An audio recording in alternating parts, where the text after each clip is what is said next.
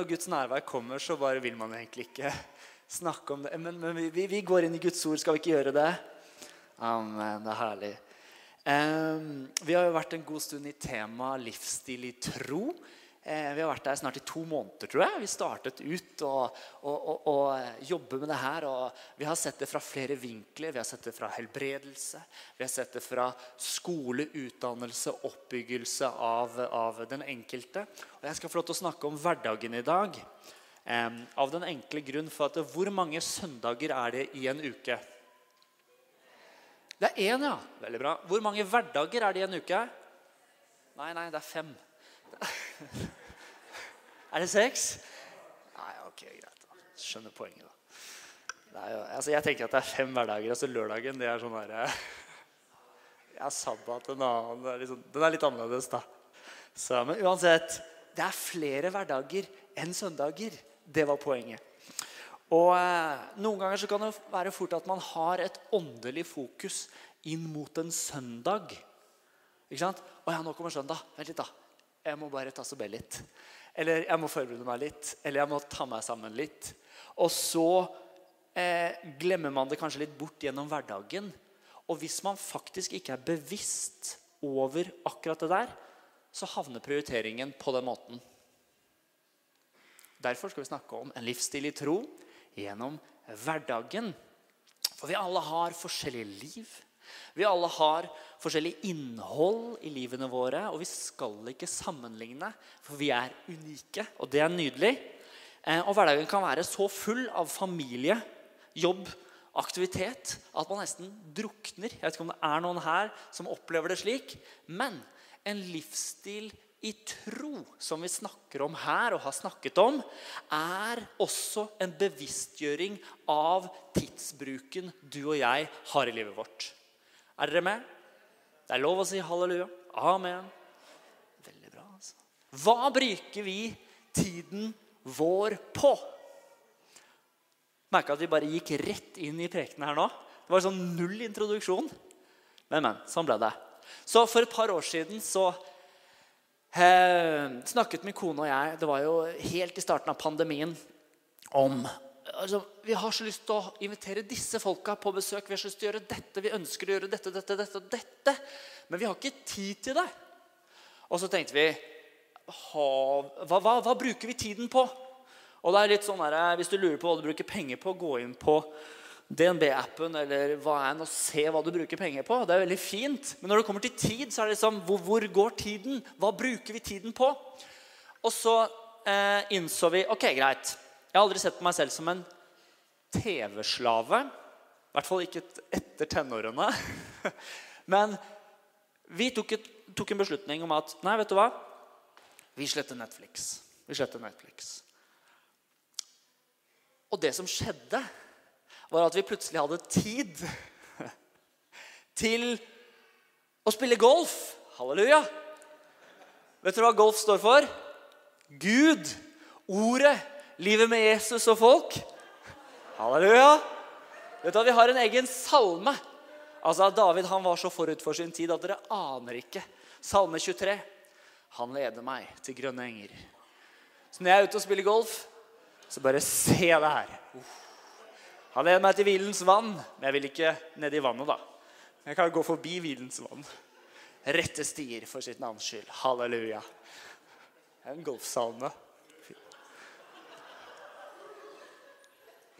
Vi hadde tid til å invitere venner som vi tilsynelatende ikke hadde tid til. Vi hadde tid til å ha bønn og lovsangskvelder. Og det var ikke det at vi ikke hadde dette tidligere, men vi bare opplevde at wow! Vi har frigjort tid fra en aktivitet som vi ikke visste stjal så mye tid av livet vårt. En livsstil i tro er også en bevisstgjøring av tidsbruk. Og nå sier jeg ikke at du skal slette Netflix, det var ikke poenget. Men poenget er at hvis du lurer på hvor mye tid du bruker på en skjerm, ta to uker faste og se hvor mye tid du får til andre ting. Bare, bare check it out. Du dør ikke av det. Kjøttet ditt dør litt. det, Veldig mye. I don't know. Prøv det ut, sjekk det ut, se. Wow! Jeg ble kjent med naboen. Ikke snakket, snakket med naboen på tre år. Eh, La oss gå til Daniels bok. Vi skal være i Daniels bok litt. Hvis du har med deg en bibel, så slå opp i Daniels bok. Vi får det også opp på skjermene. Daniel, hvem var Daniel? Daniel var en ung mann. Han var mest sannsynligvis en tenåring. Og det vi skal se på i dag, det er ikke alle disse historiene som vi leser om, men det er responsen Daniel har når han opplever livet sitt. For en livsstil er jo en del av livet vårt, er det ikke det, da? Og vi leser om Daniel sin respons og livsførsel i en relativt hektisk hverdag. Må vi vel ærlig innrømme. Så i Daniel 1, 3-9 skal vi lese litt fra Daniel. Er dere klare for det? Er dere klare for det? Det er bra med deg. På hugg, folkens. Daniel 1, 3-9. Kongen sa til Aspenas Nydelig. Kommer opp der sin øverste hoffmann at han skulle ta med seg noen av Israels barn, både av kongeætten og de ansette familiene, unge gutter som var uten lyte, med vakkert utseende, som la for dagen forstand på all slags visdom og hadde evner til å vinne kunnskap og få innsikt i vitenskap, slike som var skikket til å tjene i kongens slott. Dem skulle han gi opplæring i kaldernes skrift og språk. Kongen fastsatte deres daglige tildeling av kongens fine mat og av vinen han drakk. I tre år skulle de få opplæring, og når denne tiden var til ende, skulle de stå i tjeneste hos kongen. Blant dem var Daniel, Hananya, Mishael og Asaria av Judas barn. De øverste hof, den øverste hoffmannen ga dem nye navn. Daniel kalte han Beltsasar. Hananya ble kalt Shadrach. Mishael ble kalt Meshach. Og Asaria fikk navnet Abednego. Men Daniel satte seg for i sitt hjerte at han ikke ville gjøre seg uren med kongens fine mat og med vinen som han drakk. Han ba den øverste hoffmannen om han måtte slippe å gjøre seg uren, og Gud lot Daniel finne velvilje og barmhjertighet hos den øverste hoffmannen. Nå, Vi skal ikke gå i detalj på alle tingene vi leser her nå, og eksempler vi ser, men la oss se på noen ting. Er dere klare for det? For det første så har Daniel og vennene hans blitt bortført fra sitt eget land, fra sine familier og fra sin kultur, fra sitt språk. Her i menigheten så har vi faktisk noen som også har opplevd å reise fra sitt hjemland og komme til oss. Så det er jo på en måte, Vi kan, vi kan skjønne litt av hva det går i her. Men hvordan reagerer du og jeg hvis Ruter endrer tidstabellen på bussen og trikken med ti minutter. Det er sånn herre Hva?! Må jeg stå opp ti minutter tidligere? Det ødelegger jo hele tidsplanen på morgenen. Men kaffen den skal stå 06.37. Da er den klar. ikke sant? Altså, Se for deg scenarioet. Her er totalt alt snudd på hodet. Hvordan reagerer Daniel på dette? Og det er jo litt opprivende, da. Men en livsstil i tro har et element av stabilitet ved seg. Er dere enig i det? Er det ikke deilig med stabile mennesker? Når du kjenner deg litt ustabil, så ringer du mamma og pappa, eller du ringer en søster, ringer en bror, ringer en venn, ringer noen som du kan snakke med fordi 'Jeg er ustabil'. Altså, Du skjønner poenget. da. Følelsesmessig. Gå litt opp og gå litt ned. Det er så deilig med stabilitet. Og du vet at Når man lever med Gud, har en livsstil av tro i livet sitt, så skaper det en stabilitet og en ballast i livet. Når var det Gud lot Daniel finne velvilje og barmhjertighet hos den øverste hoffmannen? Det var når han handlet på sin livsstil. Fordi han kom til et nytt sted, nytt språk, nytt alt.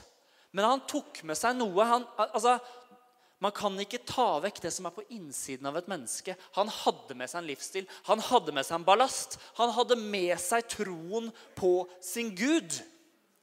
Så hva enn som skjer i ditt liv, uavhengig av om det er opp, ned, sidelengs, bak, fram, så har du med deg noe. Du har med en livsstil i tro som du kan ta med deg. Og det var når Daniel handlet på det, så står det da lot Gud Daniel finner velvilje hos den øverste hoffmannen. Man kan jo konkretisere dette i alle retninger. og Jeg greier kanskje ikke å si et eksempel som treffer hjertet ditt akkurat nå, men jeg kan ta et eksempel som du kan overføre til deg selv. Og det er jo at Hvis du er på jobb, så kan det være at du finner velvilje når du velger å ydmyke deg. Når du minst ønsker å ydmyke deg. Du går bort til en kollega som fikk en forfremmelse som egentlig var din. Og så sier du at 'jeg er så glad på dine vegne'. Kan det være at Gud gir velvilje for deg overfor kollegaen og andre fordi du handlet gudfryktig? Kom livsstilen til Daniel fra uken før han ble bortført? Nei, gjorde jo ikke det, vet du. Han hadde bygd denne livsstilen over mange år. Og hvem vet, kanskje Daniel satt og lyttet til profeten Jeremia. Det var kanskje en av lærerne hans. ikke sant? Vi vet ikke, men Han var en av de gutta som holdt på i slottet der. ikke sant? Han hadde tydeligvis fylt livet sitt med Guds ord fra barndom av. Slå et slag nok en gang for en herlig kristen skole om at vi også får lov til å gi dem Guds ord gjennom en hverdag. Ikke bare i hjemmet, men også i skolen og i menigheten. Halleluja for treenigheten. Det rimte. Hørte du det? Hva skal til for å sette deg ut av balanse? Ikke sant? Har du sett sånne, sånne jeg på å si, Det er veldig tung i bånd og så veldig lett. Så kan du sånn bare slå på dem, og så går de sånn De kommer alltid opp igjen. For de har en ballast. Ja, men dere ser. Noen her er veldig visuelle, og de ser det. ikke sant? Men hvis jeg slår den her, så faller den rett over. Men de som har tyngden i bånd, de kommer opp igjen. Det er et eller annet med at Hva får deg ut av balanse? Og Bibelen sier jo at vår tro har overvunnet verden. Det er vår tro som har overvunnet verden. Det er livsstilen i tro som hjelper deg i vanskelige situasjoner. Men det er også livsstilen i tro som hjelper deg i gode situasjoner. Jeg husker jeg spurte en jeg studerte sammen med. Tror du at du ikke trenger å tro på Gud fordi du ikke har behov for hans inngripen i livet? Sa det kanskje ikke så sånn velformulert. Men hun sa ja. Hun trengte ikke Gud for å ha mat på bordet. For vi har det så bra i Norge. Men kommer ikke all god gave fra Han, da? Så vår avhengighet, avhengighet til ham i gode tider er kanskje enda viktigere. Når vi har det bra, må vi fortsette å være avhengig av ham. Fortsette å stole på ham. Fortsette å bygge en pastor i England, Dave Gilpin heter han, han hadde en undervisning om at Gud er som en isbre. Gud er som en isbre. Jeg elsket det, det, det uttrykket. For han snakket om at noen ganger er Gud veldig treig. Det kan jo føles sånn. Herre, hvor er du? Hva, hva, driver du med? Men det som er så kult med en isbre, er at den er veldig kraftig. Veldig kraftig og veldig sterk. Massiv.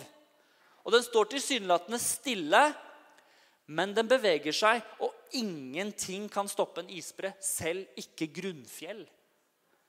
Og som geolog, folkens Som geolog, ikke teolog, men geolog, du hørte riktig, så kan jeg si deg en liten tilleggsopplysning om en isbre. Er dere klare? En isbre kan tilsynelatende stå stille eller bevege seg veldig lite i en lengre periode inntil det har oppstått så mye trykk bakfra at den beveger seg som en elv på opptil to km på ett døgn. Det er Gud. Det er sånn her, Visste du det? Nei, men det er sant. En isbre det er derfor farlig. vi går ikke inn på det. det poenget er at det, det er så kraftig. Gud er så kraftig, og han kan bevege seg massivt på en dag. Men så jobber han på dypet. Han jobber og jobber og jobber med ballasten i livet vårt, slik at vi skal tåle livets utfordringer og endringer. Hva er best? Å trene ni timer en gang i måneden eller å trene 20 minutter tre ganger i uken? 20 minutter tre ganger i uken er mye bedre enn ni timer en gang i måneden. Det er veldig bra å gå på all night prayer. Halleluja. Men jeg, si det, jeg vet ikke om det er lov å si engang, men hvis det er det eneste du ber, så er det mye bedre at du ber 20 minutter hver dag enn å gå på all night prayer. For vi lever ikke på en middag en gang i uken. Vi spiser hver dag. Store norske leksikon sier at en livsstil er summen av enkeltpersoners levevaner og atferd. Livsstil er summen av enkeltpersoners levevaner og atferd. En livsstil i tro er ikke noe som kommer over natten, men det tar tid å bygge. Og det er noe godt med det. Skritt for skritt, skritt for skritt. Når er det du ble sterk hvis du trener? Du kan jo ikke stedfeste det. Men du vet at det skjedde et eller annet sted alle de gangene du trente. Hvordan bygger man en livsstil i tro? Ja, det skjedde 13. februar. Nei, gjorde du ikke det? Men det kan være at det var startskuddet. Da du bestemte deg for at nei, vet du hva? jeg skal ha en endring i livet mitt. Jeg ønsker å se fremgang. Jeg skal stå på Guds ord uansett omstendigheter. Og så kommer du til å se en endring et par år ned i gata. Et par måneder. Kan hende at det skjer fort. Men på en måte, livet med Gud det tar litt tid noen ganger. Men er ikke det godt også, da? For da er det et eller annet som holder. Og hva er det vi egentlig snakker om her, folkens? Vi er i Daniels bok. Og vi har slått fast at en livsstil i tro, det er, det, si, det er jo livet vårt. Det er hvordan vi lever, det er ballasten vi har med oss. og Det tar tid å bygge. Um, men hvis vi går til Daniel 6, som også er kjent som Daniel i løvehulen Har man vært på søndagsskolen, så har man fått med seg Daniel i løvehulen. og veldig mange kan det. Men hva er det som skjer rett før Daniel i løvehulen? Jo, Daniel har en veldig dårlig dag på jobb. Veldig dårlig dag på jobb. Han har det. Har du hatt en dårlig dag noen gang? Er det sant? Det ikke alle som har hatt Altså, Jeg har hatt en veldig dårlig dag sånn nå nylig, liksom.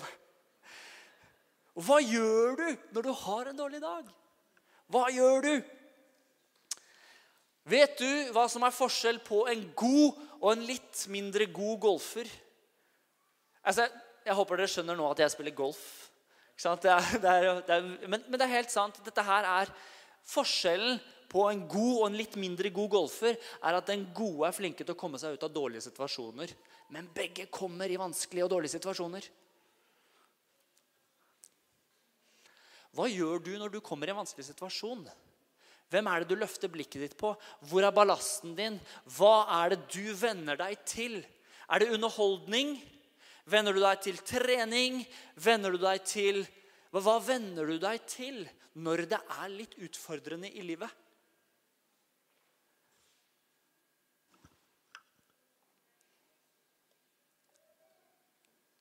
Den samme Moses som 40 år tidligere drepte en egypter pga. sitt temperament, temperament, kastet seg nå ned for Gud uten å forsvare seg når broren hans Aron og søsteren Miriam kritiserte han. 40 år tok det, da.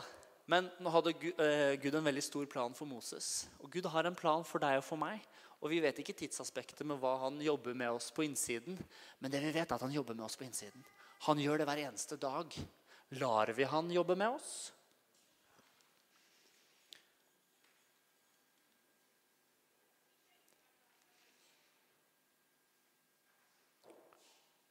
Hva gjør du når du opplever at kollegaene dine snakker stygt om deg på jobb? Eller om en annen? Velsigner er bra. Hva gjør du når du opplever at barna dine er opprørske? Hva gjør du når sykdom sniker seg inn i livet ditt, eller noen du er glad i? Hva gjør du når omstendighetene dine endrer seg drastisk? Du vil mest sannsynligvis gjøre det som livsstilen din er. Er du en klagete person? Nå, nå, jeg vet at her, Man kan le av dette, men det her er helt sant. Er du en klagete person, så kommer du mest sannsynligvis til å fortsette å klage. Er du en person som liker å se på det positive, som liker å vet du hva, Nei. Ja, jeg opplever at dette er utfordrende, men Gud. Vet du, Kommer det en utfordring, så kommer du til å fortsette å si 'men Gud'.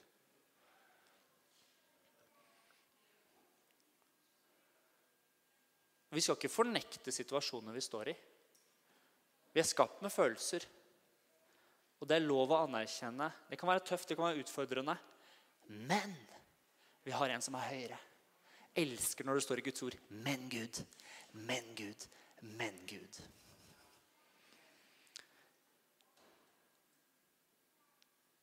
Johannes 8,32 snakker om at sannheten skal sette oss fri.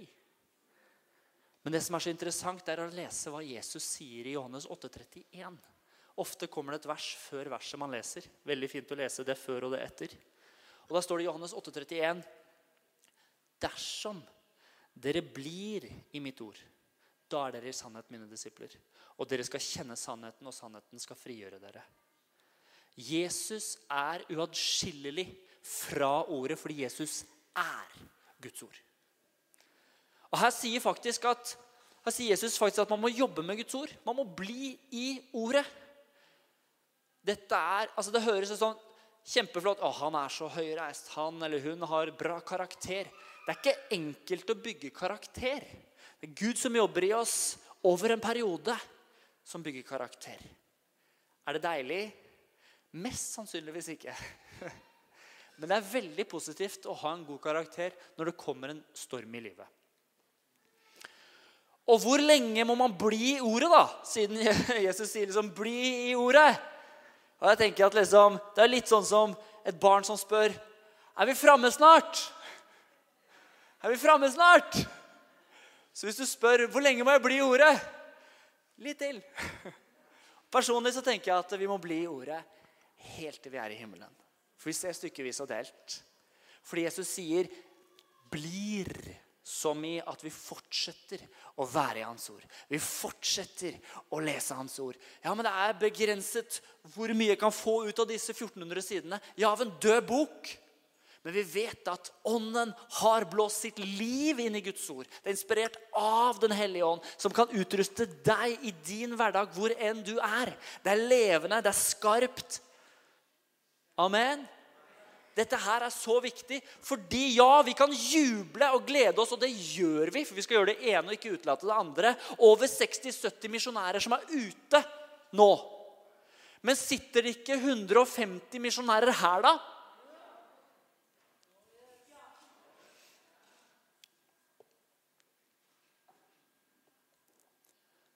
Daniel gjør en usedvanlig god jobb for kong Nebukadnesar. Han har integritet.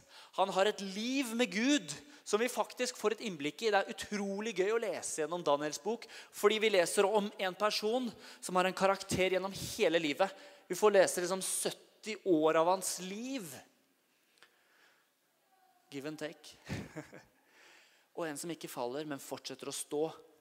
Uavhengig av hvem han jobber under, ved siden av eller står sammen med. Og han gjør en så god jobb. Og når det skjer et tronskifte i kongeriket han jobber i, så vil den nye kongen ha Daniel med videre i sin regjering. Og i Daniel 6, som var det vi starta på i stad, var det ikke det? Som vi aldri leste. Daniel i løvehulen. Daniel 6, 1-6, der står det Mederen Darius overtok riket da han var 62 år gammel. Darius besluttet å sette 120 satraper over riket. De skulle bo omkring i hele riket. Over dem satte han tre riksråder, og Daniel var en av dem. For dem skulle satrapene gjøre regnskap, så kongen ikke skulle lide noe tap. Daniel utmerket seg framfor riksrådene og satrapene. Hvorfor? Fordi det var en høy ånd i ham. Hvorfor utmerket Daniel seg? Fordi det var en høy ånd i ham. Har du en høy ånd i deg? Han kalles Den hellige ånd. Den samme kraft som bor på innsiden av deg, er den samme kraft som reiste Jesus opp fra det døde. Er du klar over hvilken kraft du har på innsiden av deg? Gir vår livsstil plass til Den høye ånd som bor på innsiden av oss? Vi leser videre. Derfor tenkte kongen på å sette ham over hele riket. Da prøvde riksrådene og satrapene å finne noe å anklage Daniel for når det gjaldt riksstyret. Men de var ikke i stand til å finne noen skyld eller noen urett, for han var tro, og det fantes ikke forsømmelse eller forseelse hos ham. Da mennene finner, da sa disse mennene vi finner ikke noe grunn til å anklage mot denne Daniel om vi da ikke kunne finne noe å anklage ham for i hans gudsdyrkelse.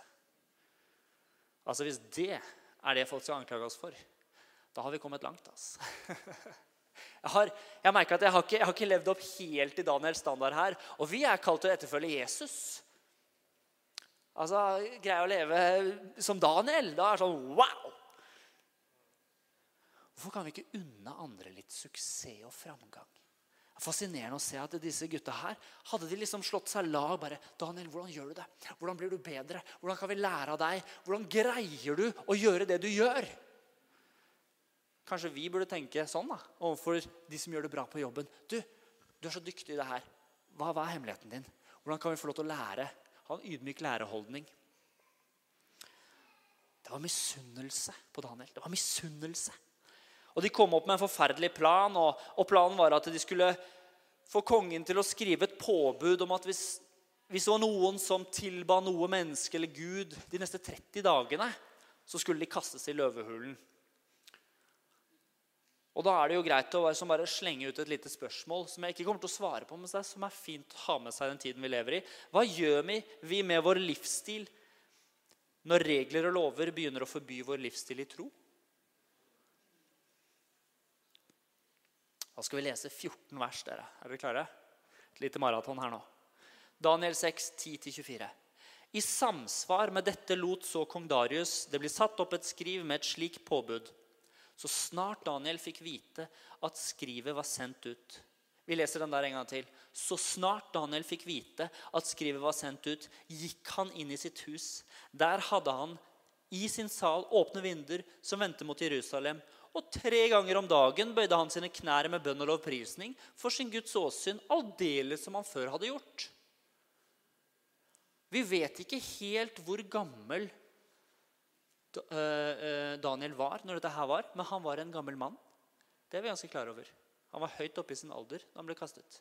Aldeles som han før hadde gjort. Det vil si at eh, Når vi leste i kapittel 1, så er han en tenåring. Nå er han nesten en pensjonist. Og mellom der, aldeles som han før hadde gjort, bøyde han sine knær for sin Gud tre ganger om dagen. Vet du hva? På din arbeidsplass eller på ditt uh, universitet så er det et toalett. Eller et møterom. Et eller annet stillerom hvor du kan få lov til å bøye dine knær og be. Og det er godt. Litt ydmykende, da. Som bare Ja, der var toalettet, ja. Vent litt, da. Bare holde litt avstand her. Men uh, Herre, ja, men Jeg er seriøs for det, for det, det, handler om en, en, hjerteholdning. Herre, jeg vil søke deg hver dag. Om det så bare er du, Nå tar jeg bare 30 sekunder her. Sitter ved pulten. Noise cancellation headset på. Herre, takk for at du er her akkurat nå. Og Det kan ofte være nok til at man endrer fokuset sitt, og livsstilen din bygges steg for steg for steg. Og Så kommer spørsmålene fra kolleger. Hva er det med deg, da? Hvorfor er du så fredfull? Hvorfor er ikke du med på baktallingen? Da stormet disse mennene inn og fant Daniel mens han holdt på å be og bønnfalle sin Gud. Og husk at han var en av tre som var øverst i kongeriket. Dette var verdens største rike på den tiden der. Tror dere han hadde mye å gjøre? Vi har noen politikere eller ekspolitikere i salen som har hatt mye å gjøre. Altså, jeg tror han hadde greit mye å gjøre, men han fant fortsatt tre ganger om dagen tid til å bøye sine knær. De gikk så fram for kongen og spurte med tanke på kongens påbud. Har du ikke sendt ut en befaling om at hver den som i løpet av 30 dager ber til noen gud eller til noe menneske, uten til deg, kongen, skal kastes i løvehulen? Kongen svarte, det står fast etter medernes og persernes uforanderlige lov. Da tok de til orde og sa der de sto for kongen, Daniel, som er en av de bortførte fra Juda, har ikke aktet på deg, konge, eller på det påbud du har sendt ut skriv om. Tre ganger om dagen ber han sin bønn. Da kongen hørte dette, ble han dypt bedrøvet og tenkte i sitt hjerte på hvordan han kunne redde Daniel. Helt til solen gikk ned, gjorde han seg umak for å berge ham. Da trengte disse mennene inn på kongen og sa til ham Kongen må vite at den lov gjelder hos mederne og perserne, at ikke noe påbud og ingen forordning som kongen utsteder, kan forandres. Kongen befalte da at de skulle hente Daniel og kaste ham i løvehulen. Og kongen tok til orde og sa til Daniel.: Din Gud som du stadig dyrker, måtte han frelse deg. La oss stoppe opp et lite øyeblikk der. Kongen visste om Daniels gudstilbedelse. Det var ikke noe han skjulte. Fordi, du vet Du greier ikke å skjule noe som er ekte, veldig lenge. Er man nyforelsket, så greier du ikke å skjule det. Det er sånn, det blir plukket opp. Jeg husker Min søster altså, hun sitter jo her, så jeg må nesten si det. Sofie jeg skulle liksom, altså, jeg har aldri vært på date med noen andre enn Jofia. Det i seg selv er jo et mirakel. Men det var den dagen jeg skulle ut, så spør min søster Sofie altså Jeg er 21 år, og i 21 år så har man jo sagt mye. Men den dagen så greier hun å lukte ut Lukte ut at jeg skal på date. Jeg har aldri vært på date før. Hvordan er det mulig? Du greier ikke å skjule noe som er ekte. Jeg var, jeg var litt excited. ikke sant? Det Var, men, men, jeg tenker at det er et eller annet med at hvis det er ekte hvis det er, Dette er noe du brenner for. Du greier ikke å skjule det. Og Daniel hadde ikke, han ønsket kanskje ikke dette i det hele tatt å skjule for kongen, men kongen visste om at Daniel, din Gud, som du stadig dyrker, måtte han frelse deg. Han har jo tydeligvis sagt noen ord her og der til kongen òg, da.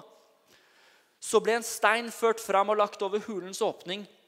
Og kongen forseglet den med sitt eget og sin stormanns, eh, stormenns seil, så det ikke skulle skje noe forandring i det som var gjort med Daniel. Deretter gikk kongen hjem til sitt slott og faset hele natten. Han lot ingen av sine medhustere komme inn til seg, og søvnen forsvant fra ham. Tidlig om morgenen, så snart det lysnet, sto kongen opp og, så, eh, og skyndte seg til løvehulen. Da han kom nær hulen, ropte han på Daniel med sorgfull røst. Han tok til orde og sa, 'Daniel, du den levende Guds tjener.' Så han visste at han tjente den levende Gud. Har din Gud, som du stadig dyrker, maktet å frelse deg fra løvene? Da svarte Daniel, kongen lever evig. Hvordan svarer du din sjef? Sjefen lever evig? Nei, jeg vet ikke. Men altså, han hadde respekt. Han startet med en å hedre noen. Han kunne starta med skal ikke komme med noen ukvemsord her nå, da, men tulling! Idiot! Kasta du meg ned? Jeg har ikke gjort noe! Jeg har tjent deg! Hvordan er vår respons når vi havner i en vanskelig dag på jobben, en vanskelig dag i familien, en vanskelig dag? Daniel svarte, 'Kongen lever evig'. Min Gud sendte sin engel og lukket løvenes skap, så de ikke har gjort meg noe skade, for jeg har funnet uskyldig for ham, og heller ikke mot deg, konge, har jeg gjort noe galt. Kongen ble da overmåte glad og befalte at Daniel skulle dras opp. Og Da Daniel var dratt opp av hulen, fantes det ingen skade fordi han hadde trodd på sin Gud. Hva er det vi snakker om her? folkens? Vi snakker om en livsstil i tro på den levende Gud i en hverdag som ser forskjellig ut fra person til person. Vi lever i en tid som er veldig spesiell. Vi har krig. Det er jordskjelv.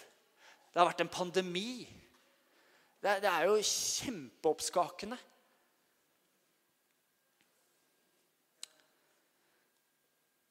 Første Peter 2,12. Første Peter 2,12. Vi får den opp på skjermen. Første Peter 2,12.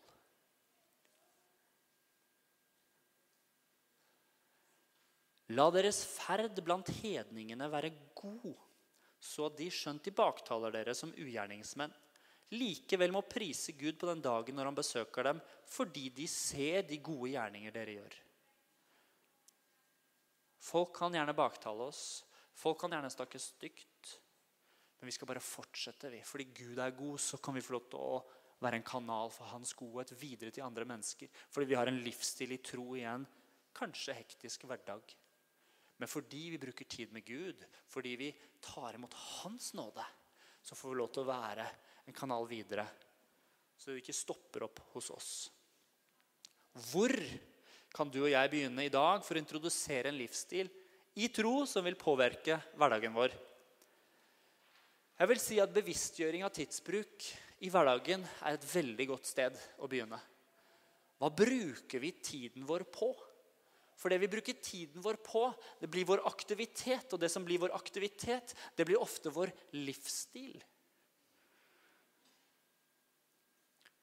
Og ofte har det seg sånn at hvis man ikke planlegger å bruke tid med Gud, så skjer det heller ikke tilfeldig. Jeg sier ikke at ikke det kan det, men det er veldig typisk at det ikke skjer.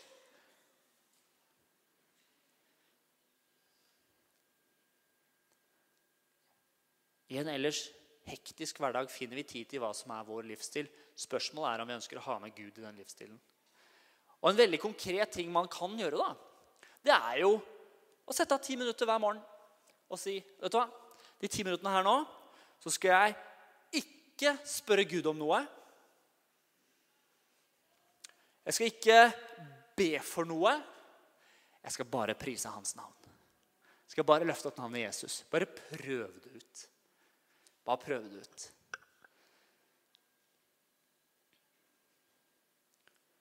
Vi kan be for at prosjektet du jobber med på jobben, skal lykkes. Vi, vi setter jo pris på at de som er i lovsangen her, har forberedt seg. Gjør vi ikke det? Ja, vi gjør jo det. Setter jo pris på at kanskje de som taler her, har gjort seg noen tanker om hva man skal si på en søndag formiddag. Vi setter pris på evangelistene som er ute og preker evangeliet. At de har vært i bønn og faste og i ordet for den kampanjen eller de dagene eller der de er. Gjør vi ikke det? Burde ikke vi også tenke litt likt rundt hva som er Guds rike, hvor vi er? Hvordan forbereder vi oss til å gå på jobb?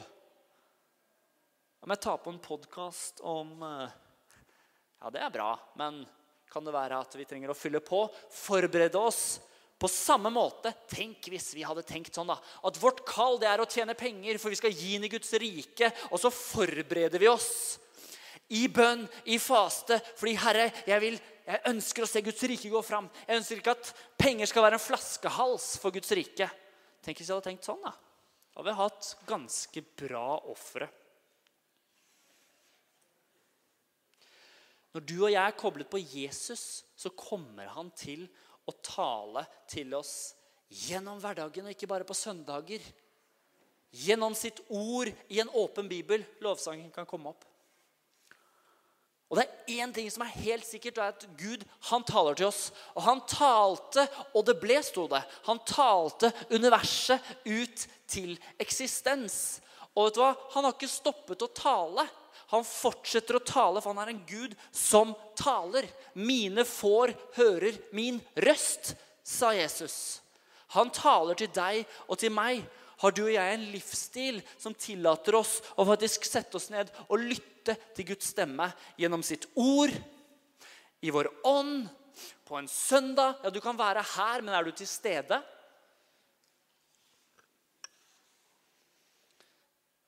Har du og jeg en livsstil som gjør det mulig å lytte inn til Hans ord. Halleluja. Skal vi ta oss og reise oss opp?